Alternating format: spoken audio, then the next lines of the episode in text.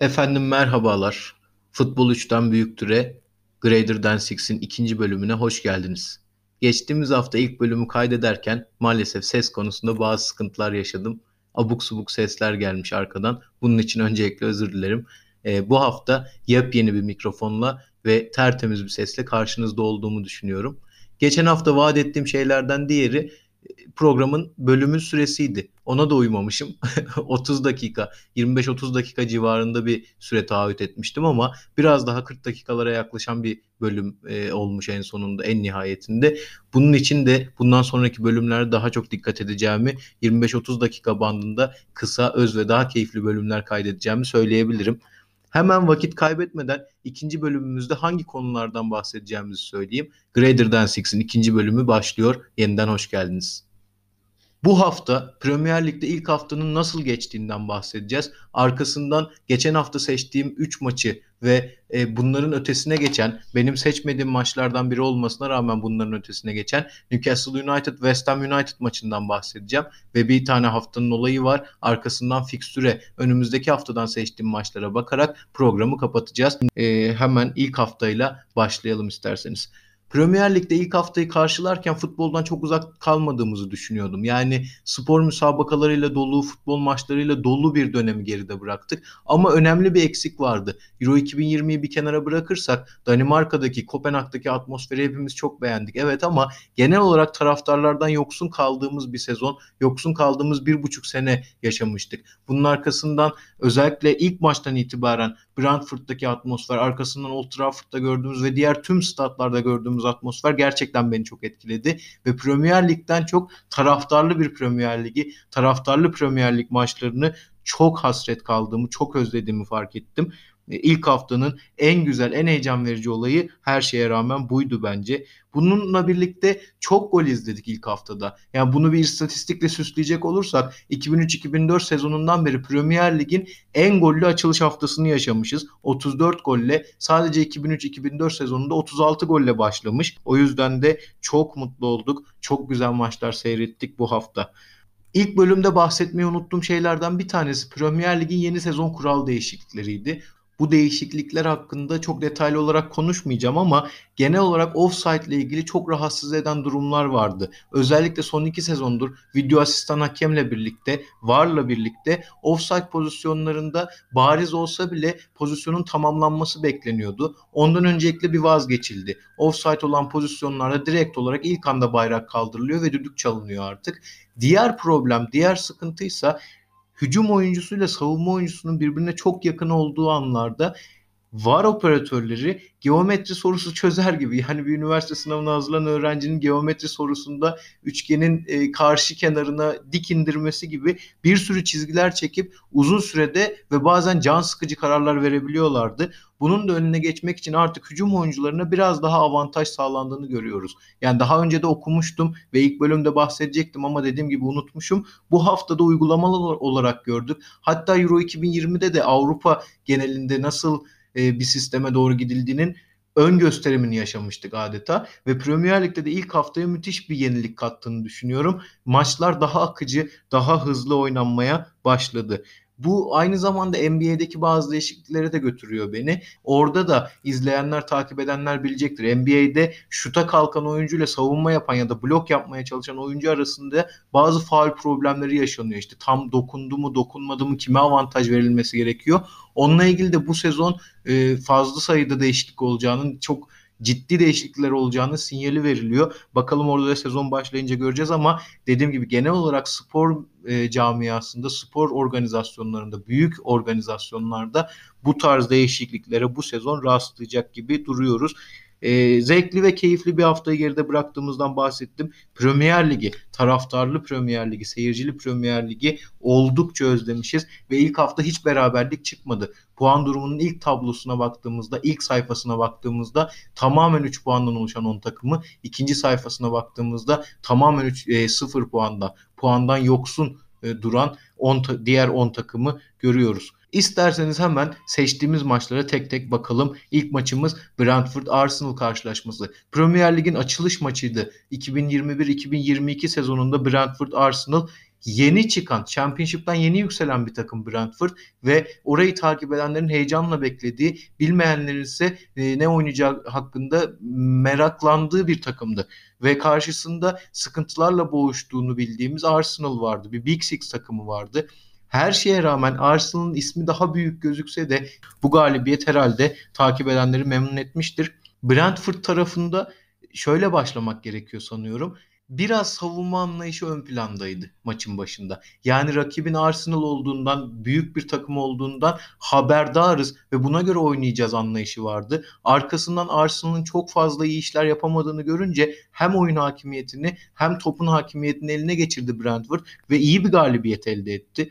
Arsenal tarafındaysa benzer sıkıntıların devam ettiğini gördük. Eksik bir takım vardı tabii ki ama e, Ben White gibi bir eklemenin ya da diğer transferlerin hem orta sahaya yapılan hem işte e, sakatlıktan dönen Martinelli'nin kötü oynadığını gördük. Arkasından e, bazen hücum etmeye çalışan, bazen o geriye düştükten sonra oyunu toparlamaya çalışan Arsenal karşısında bu sefer Brentford'un iyi kalecisi, iyi performans ortaya koyan kalecisi David Raya'yı buldu. David Raya'nın dışında bir başka ön plana çıkan oyuncu Brian Mbeumo'ydu bence hücum hattında Brighton için. Çünkü tabii ki Toney'i de ön plana çıkabiliriz. Ondan da bahsedebiliriz ama Brian Mbeumo hemen hemen tüm hücum aksiyonlarının içindeydi ve Arsenal %65 gibi çok fazla topa sahip olma oranıyla maçı tamamlasa da genel olarak hakimiyetin ve isteyen tarafın oyunu galibiyet hak eden tarafın Brentford olduğunu söylemek lazım.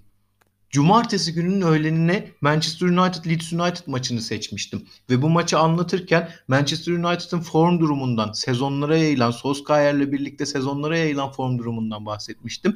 Ve karşısındaki Leeds United'da yine hocasıyla anılan Marcelo Bielsa ile iyi bir sezon geçiren, Premier Lig'deki ilk sezonunu çok fazla puan toplayarak bitiren bir takım demiştim. Ama maça baktığımızda tam olarak o rekabeti hissedemedik. Yani tüm bu anlattıklarımın dışında Manchester United ve Leeds United'ın arasında tarihi de bir rekabet var. Ama onu hissedemedik maç içerisinde. Çünkü Leeds United'ın kötü bir oyun ortaya koyduğunu düşünüyorum ben. Bu tabii ki beklenmeyen yani çok da şaşırılacak, çok büyük sürpriz olan bir şey değildi. Çünkü Leeds United'ın bazı büyük maçlarda özellikle büyük takımlara e, Big Six'e karşı oynadığı maçlarda bu duruma şahit olduk. Bunu hepimiz biliyoruz. Ama sanki o gün daha farklı bir şey vardı. Orta sahadaki ikili de çok fazla eksiklik yaşadı Leeds United. Hem o ikilinin ortayı iyi dolduramaması hem de biraz daha forvet arkası gibi konumlanan Rodrigo'nun kötü performansı bence Manchester United'ın ekmeğine yağ sürdü. Kaldı ki daha ilk dakikadan çok baskılı başlayan bir Manchester United vardı.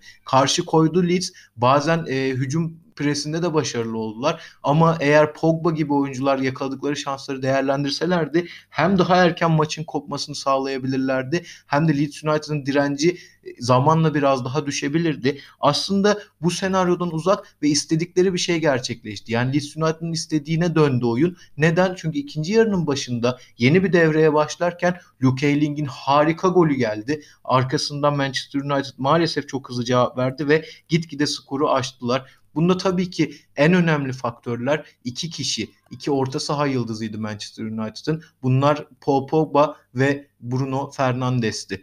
Leeds United'ın aslında iyi bir takım olmasına rağmen e, hocası iyi ve oynadığı kaliteli oyun ortada olmasına rağmen bazen bu tarz oyuncuların eksikliğini yaşadığını görüyoruz. Yani bunun ciddi bir farklılık yarattığını düşünüyorum iki takım arasında. Tabii ki Paul Pogba gibi bir yıldıza sahip olmaları belki pek mümkün olmayabilir. Bruno Fernandes'i alamayabilir Leeds United ama elindeki olanlardan da yani Patrick Bamford'un söylemiştim beklentilerin bu sezon daha fazla olacağı bir oyuncu. Gözlerin daha üzerinde olacağı bir oyuncuydu. Ama ilk maç performansı hiç kimseyi tatmin etmedi Patrick Bamford'un. Hem topla buluştuğu anlarda iyi aksiyonlar yaratamadı hem de bazen saha içinde kaybolduğuna şahit olduk. Maalesef maalesef Calvin Phillips de kadroda değildi ve bu da orta sahadaki çöküntünün o kötü başlangıcın sebeplerinden biri olarak gözüküyor bence. Leeds hiç hazır gözükmedi bence. Yani fiziksel yapı olarak tabii ki geçtiğimiz sezonu ve genel takım yapısını andırıyorlar. Ama Manchester United buna da iyi karşılık verdi.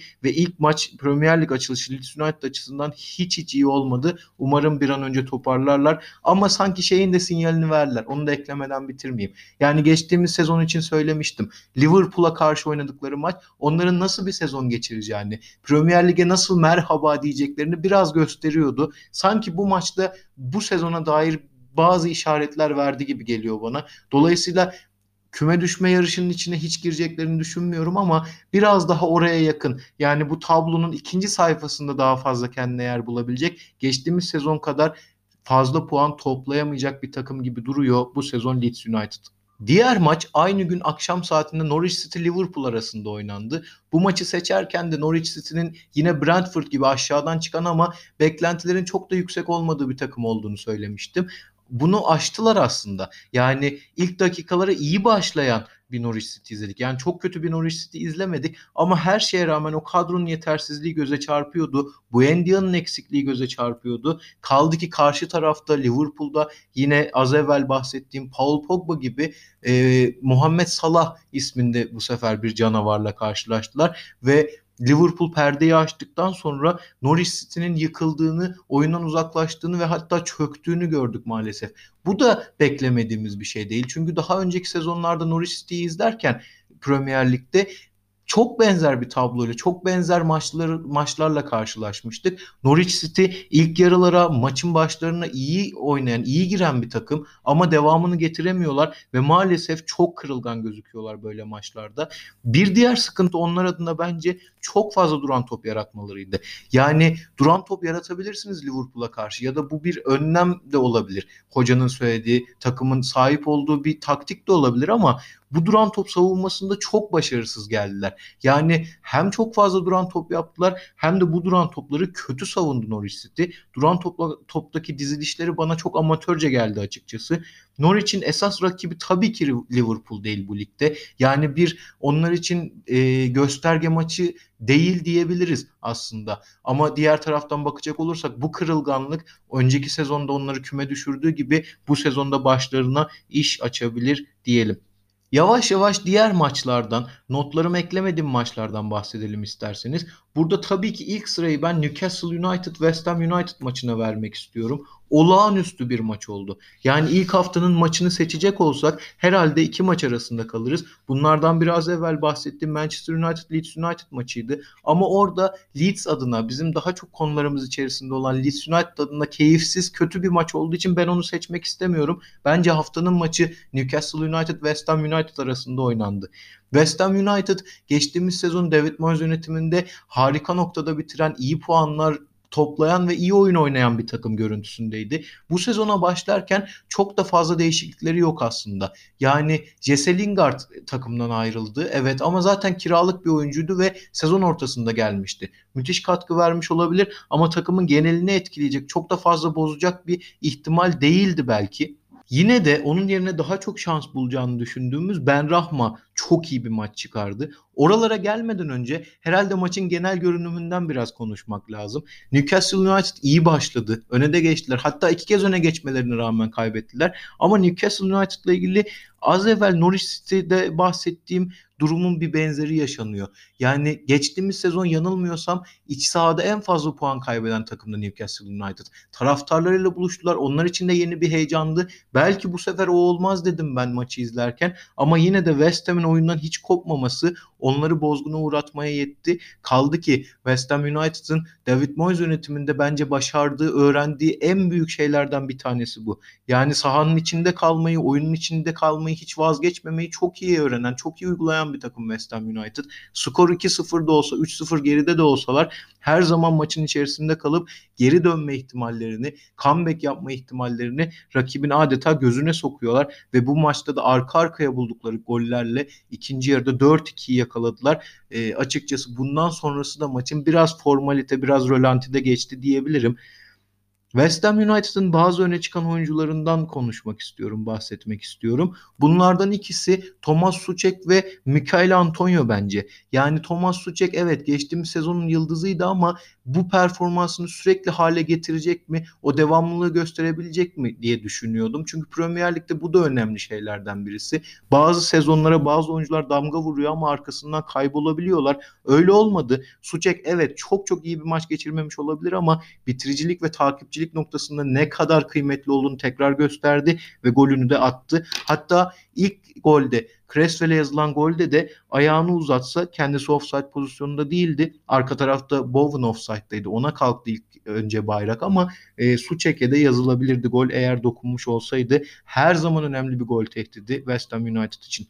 Diğer tarafta Mikael Antonio Premier Lig'de West Ham formasıyla en çok gol atan futbolcu unvanını ele geçirdi. Daha doğrusu Paulo Di Canio ile paylaşmaya başladı.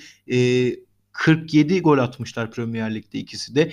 Antonio'nun en az bir sezon daha West Ham kariyerinin devam edeceğini düşünürsek bu rekoru çok yakın zamanda tek başına alacaktır diye düşünüyorum. Benim çok beğendiğim oyunculardan bir tanesi Mikael Antonio. Aynı zamanda West Ham içerisindeki rolü de zamanla çok değişti. Yani bugün de bu maçta da gördük Newcastle United karşısında. Merkezde oynayabiliyor, sol tarafa atabiliyor kendisini. Ben Rahma ile yer değiştirebiliyorlar. Zaman zaman savunma e, yaparken Pablo Fornas'ın da geriye gelmesiyle birlikte önde sadece ikili kalıyorlar Ben Rahma ile birlikte ve topu aldığında hem dribbling özelliğiyle hem de tek başına ileride fizik kalitesiyle yarattığı tehdit bence sadece West Ham United'ın değil birçok o seviyedeki takımın daha üst seviyedeki takımın sahip olmayı isteyeceği bir futbolcu ve harika girdi sezona. 9 numarayı aldı bu sezon aynı zamanda. Daha önce 30 giyiyordu. Mikael Antonio için e, peri masalı devam ediyor diyebilirim.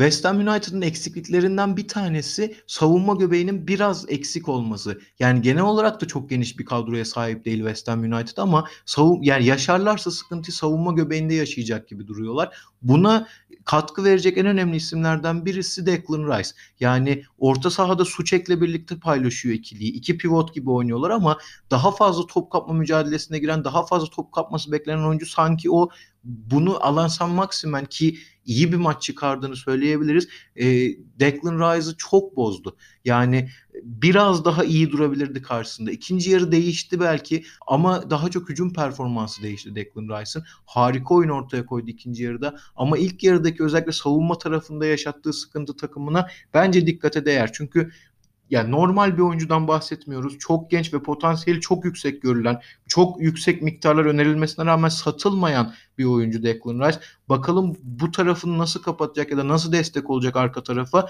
onu da merakla bekleyeceğim. Ama hücuma verdiği katkıyı da övmeden geçmeyeyim. Özellikle Ben Rahman'ın öne geçiren golü yanlış hatırlamıyorsam ya da 2-2'ye getiren gol de olabilir. Evet 2-2'ye getiren gol.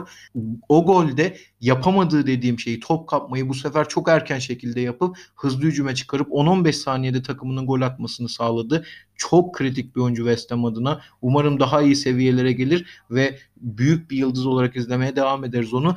Newcastle United'da Alan San Maximen'den biraz konuşmaya çalıştım ama Alan San Maximen'in enerjisi burayı tam olarak kaldıracak bir enerji değil sanki. Çünkü ön tarafta konumlanmasına rağmen hemen topun olduğu her bölgeye gidip e, kullanmaya çalıştı, almaya çalıştı. Bir forvet gibi oynamadı. Daha ziyade oyun kurucu gibiydi. Ama bu 90 dakika yayılması pek mümkün olan bir şey değil. Nitekim yayılamadı da ama top ayağındayken etkili olan tabii ki kay- top kaybedebilen maalesef bu çok top kullanan oyuncuların bir sıkıntısı. Tabii ki top kaybedebilen bir isim her şeye rağmen Newcastle'ın hücum planlarında yine ilk aday, ilk oyuncu olacak gibi duruyor Alan San Maximen.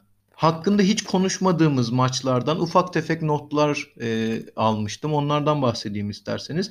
Crystal Palace Chelsea karşısına çıktı. 3-0 gibi ciddi bir galibiyet, net bir e, galibiyet aldı Chelsea Crystal Palace'a karşı. Ee, çok kötü oynadılar. Yani Patrick Vieira'dan ilk bölümde bahsettim. Beklentiler çok düşük ama bu kadar kötü olmasını da ben açıkçası beklemiyordum. Geç olmadan tam bir oyun kimliği kazandırması gerekiyor Crystal Palace'a. Özellikle Roy Hodgson'ın ardından bu takımın kimliğinin değişmesi gerekiyor. Değişeceği konuşuluyor. Hiç öyle bir emare görmedik sahada maalesef. Leicester City Wolverhampton maçında yine sürpriz olmadı. Jamie Vardy golünü attı. Leicester City iyi bir başlangıç yaptı sezona. Ricardo Pereira'nın kadroya geri dönmesi çok önemli. Kaldı ki onu yani Pereira'yı, Endidi'yi, Çağlar'ı ve Madison'ı eksiksiz olarak sahada görmeyeli uzun zaman olmuştu. Ya ben mi yanlış hatırlıyorum bilmiyorum ama uzun zamandır bu isimleri bir arada izlemiyorduk sanki. Çok ciddi sıkıntılar yaşıyorlar sakatlıklarla ilgili ama bu bir yandan olumlu da etki ediyor Leicester City'ye. Çünkü belki hiç kadroda yer alacağını tahmin etmediğimiz oyuncular sezonun bir noktasında forma şansı yakalıyorlar ve onu bırakmıyorlar ya da bıraktıkları zaman bile rotasyona dahil olmayı başarıyorlar. Leicester City'nin uzun zamandır gelen iyi oyununda, başarısında bunun da etkisi var bence.